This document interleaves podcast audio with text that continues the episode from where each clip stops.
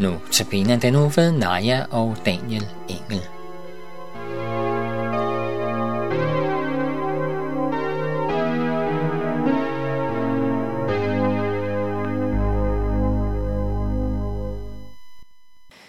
Daniel og jeg bor, hvis I hørte med, da vi blev præsenteret, i Luthers Missionshus i Nansensgade her i København. Og på taget af missionshuset, der står der et, øh, et kors. Og en dugfrisk sommermorgen, da jeg kom hjem efter at have afleveret vores datter i vuggestuen, der hørte jeg en solsort synge. Rigtig dejlig glad. Og jeg stoppede smilende. Det er en af mine yndlingslyde. Og jeg prøvede at finde den og kigge på den.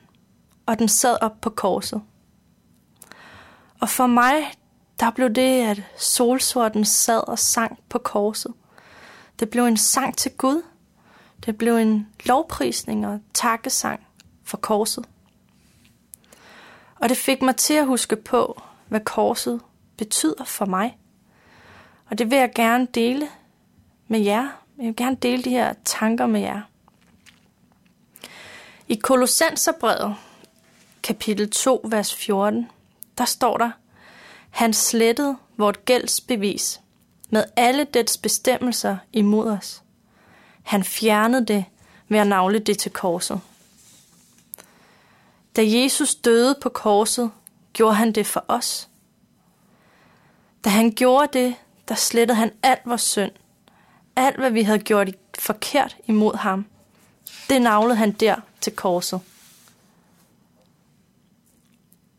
I Hebræerbrevet kapitel 12, vers 1-3 står der, Så lad da også os, som har så stor en sky af vidner omkring os, frigør os for enhver byrde og for synden, som så let omklamrer os, og holde ud i det løb, der ligger foran os, i det vi ser hen til Jesus, troens banebryder og fuldender, som for den glædes skyld, der ventede ham, udholdt korset, uden at indse det skam, og nu sidder på højre side af Guds trone. Hold jeg ham for øje, ham som fandt sig i en sådan modstand for syndere, for at I ikke skal blive trætte og miste modet. Jesus kunne udholde korset og indsede slet ikke det skam, fordi han så hen på den glæde, der ventede ham. Og nu sidder han ved Guds højre side. Hvis vi ser på Jesus, hvis han bliver et forbillede for os, og vi ser hen til den glæde, Jesus så hen til, så kan vi holde ud i det løb, der ligger foran os, og ikke blive trætte og mistet mod. Se ikke på synden og afmagten, men på Jesus. Det giver kraften. Jesus er troens banebryder og fuldender. Det vil sige, at Jesus er troens drivhjul.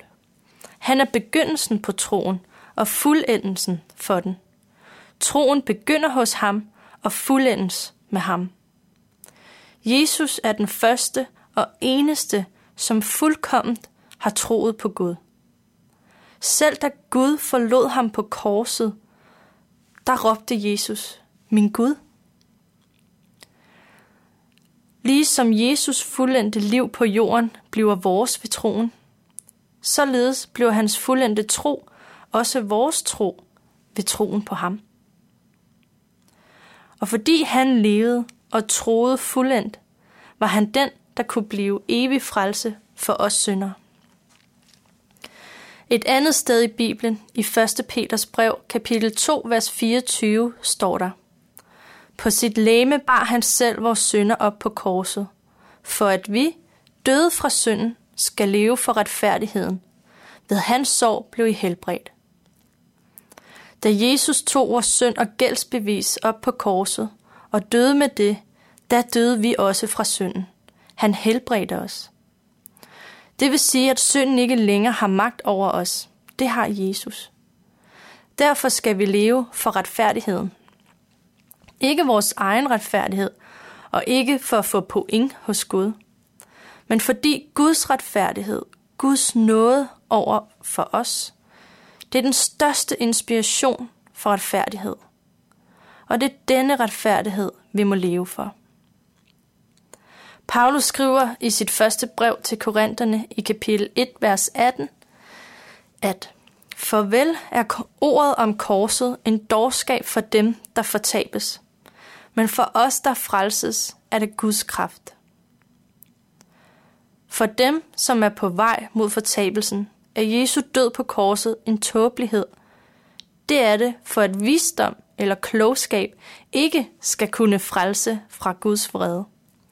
Nej, det, der frelser for Guds vrede, er troen på Jesu død på korset for mig. Og det bliver Guds kraft til mig om at holde ud i det løb, der ligger forud for mig.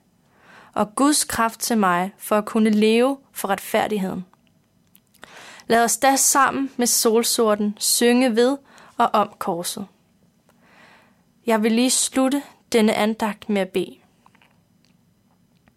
Kære Jesus, tak, at du tog mine sønder med på korset. Tak, at der ikke er frelse i nogen anden. Ja, at der ikke er givet mennesker noget andet navn under himlen, som vi kan blive frelst ved. Jeg beder dig om, at du må tilgive mig alle mine sønder, og hjælp mig til at synge som solsorten om dit kors. Amen.